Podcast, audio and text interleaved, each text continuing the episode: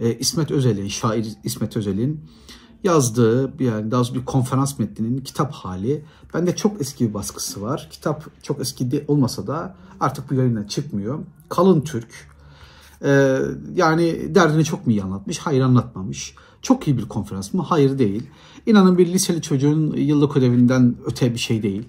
Sonuna doğru bir de zaten bu obskürantik işte böyle e, üstü kapalı konuşan veyahut e, çok büyük manalı sözler ettiğini iddia eden e, bu önce şair sonra kendini düşünür zanneden kişi şairliği iyidir de düşünürlüğü bence çok vasat.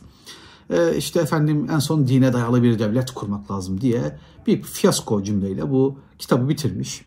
Vasat bir kitap, vasattan öteye geçmeyen bir kitap.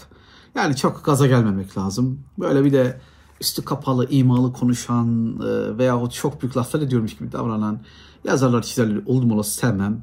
Bunu da sevmedim. Zaten pek de yararlı bir kitap olmadı. Ne oldu ama? Merak ediyordum. Uzun zamandır kitaplıktaydı. Okumuştum. Hiçbir şey hatırlamıyordum. Hatırlanacak bir şey de yokmuş açıkçası içinde. Ayın fiyaskosu yani ayın olmamış kitabı İsmet Özel'in Kalın Türk adlı konferansı. Ya sorsanız çok büyük bir iş yapmış gibi davranıyor bir de böyle yani. Çok büyük laflar etmiş gibi, çok büyük düşünmüş gibi.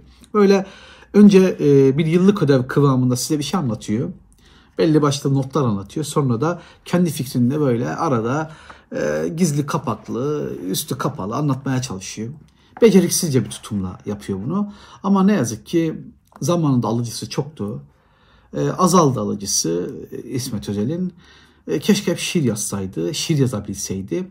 Bir de hep kendinden bahsetmeseydi şiirlerinde. Yani biraz daha etrafındaki olaylarla veya başka kişilerle, varlıklarla da iletişim kurabilseydi. Biraz hep kendinden çıkamayan bir şair olarak kaldı ve düşünceleri de kendinden başka kimseyi bağlamıyor ve ciddi alınacak durumda değil onu söyleyeyim.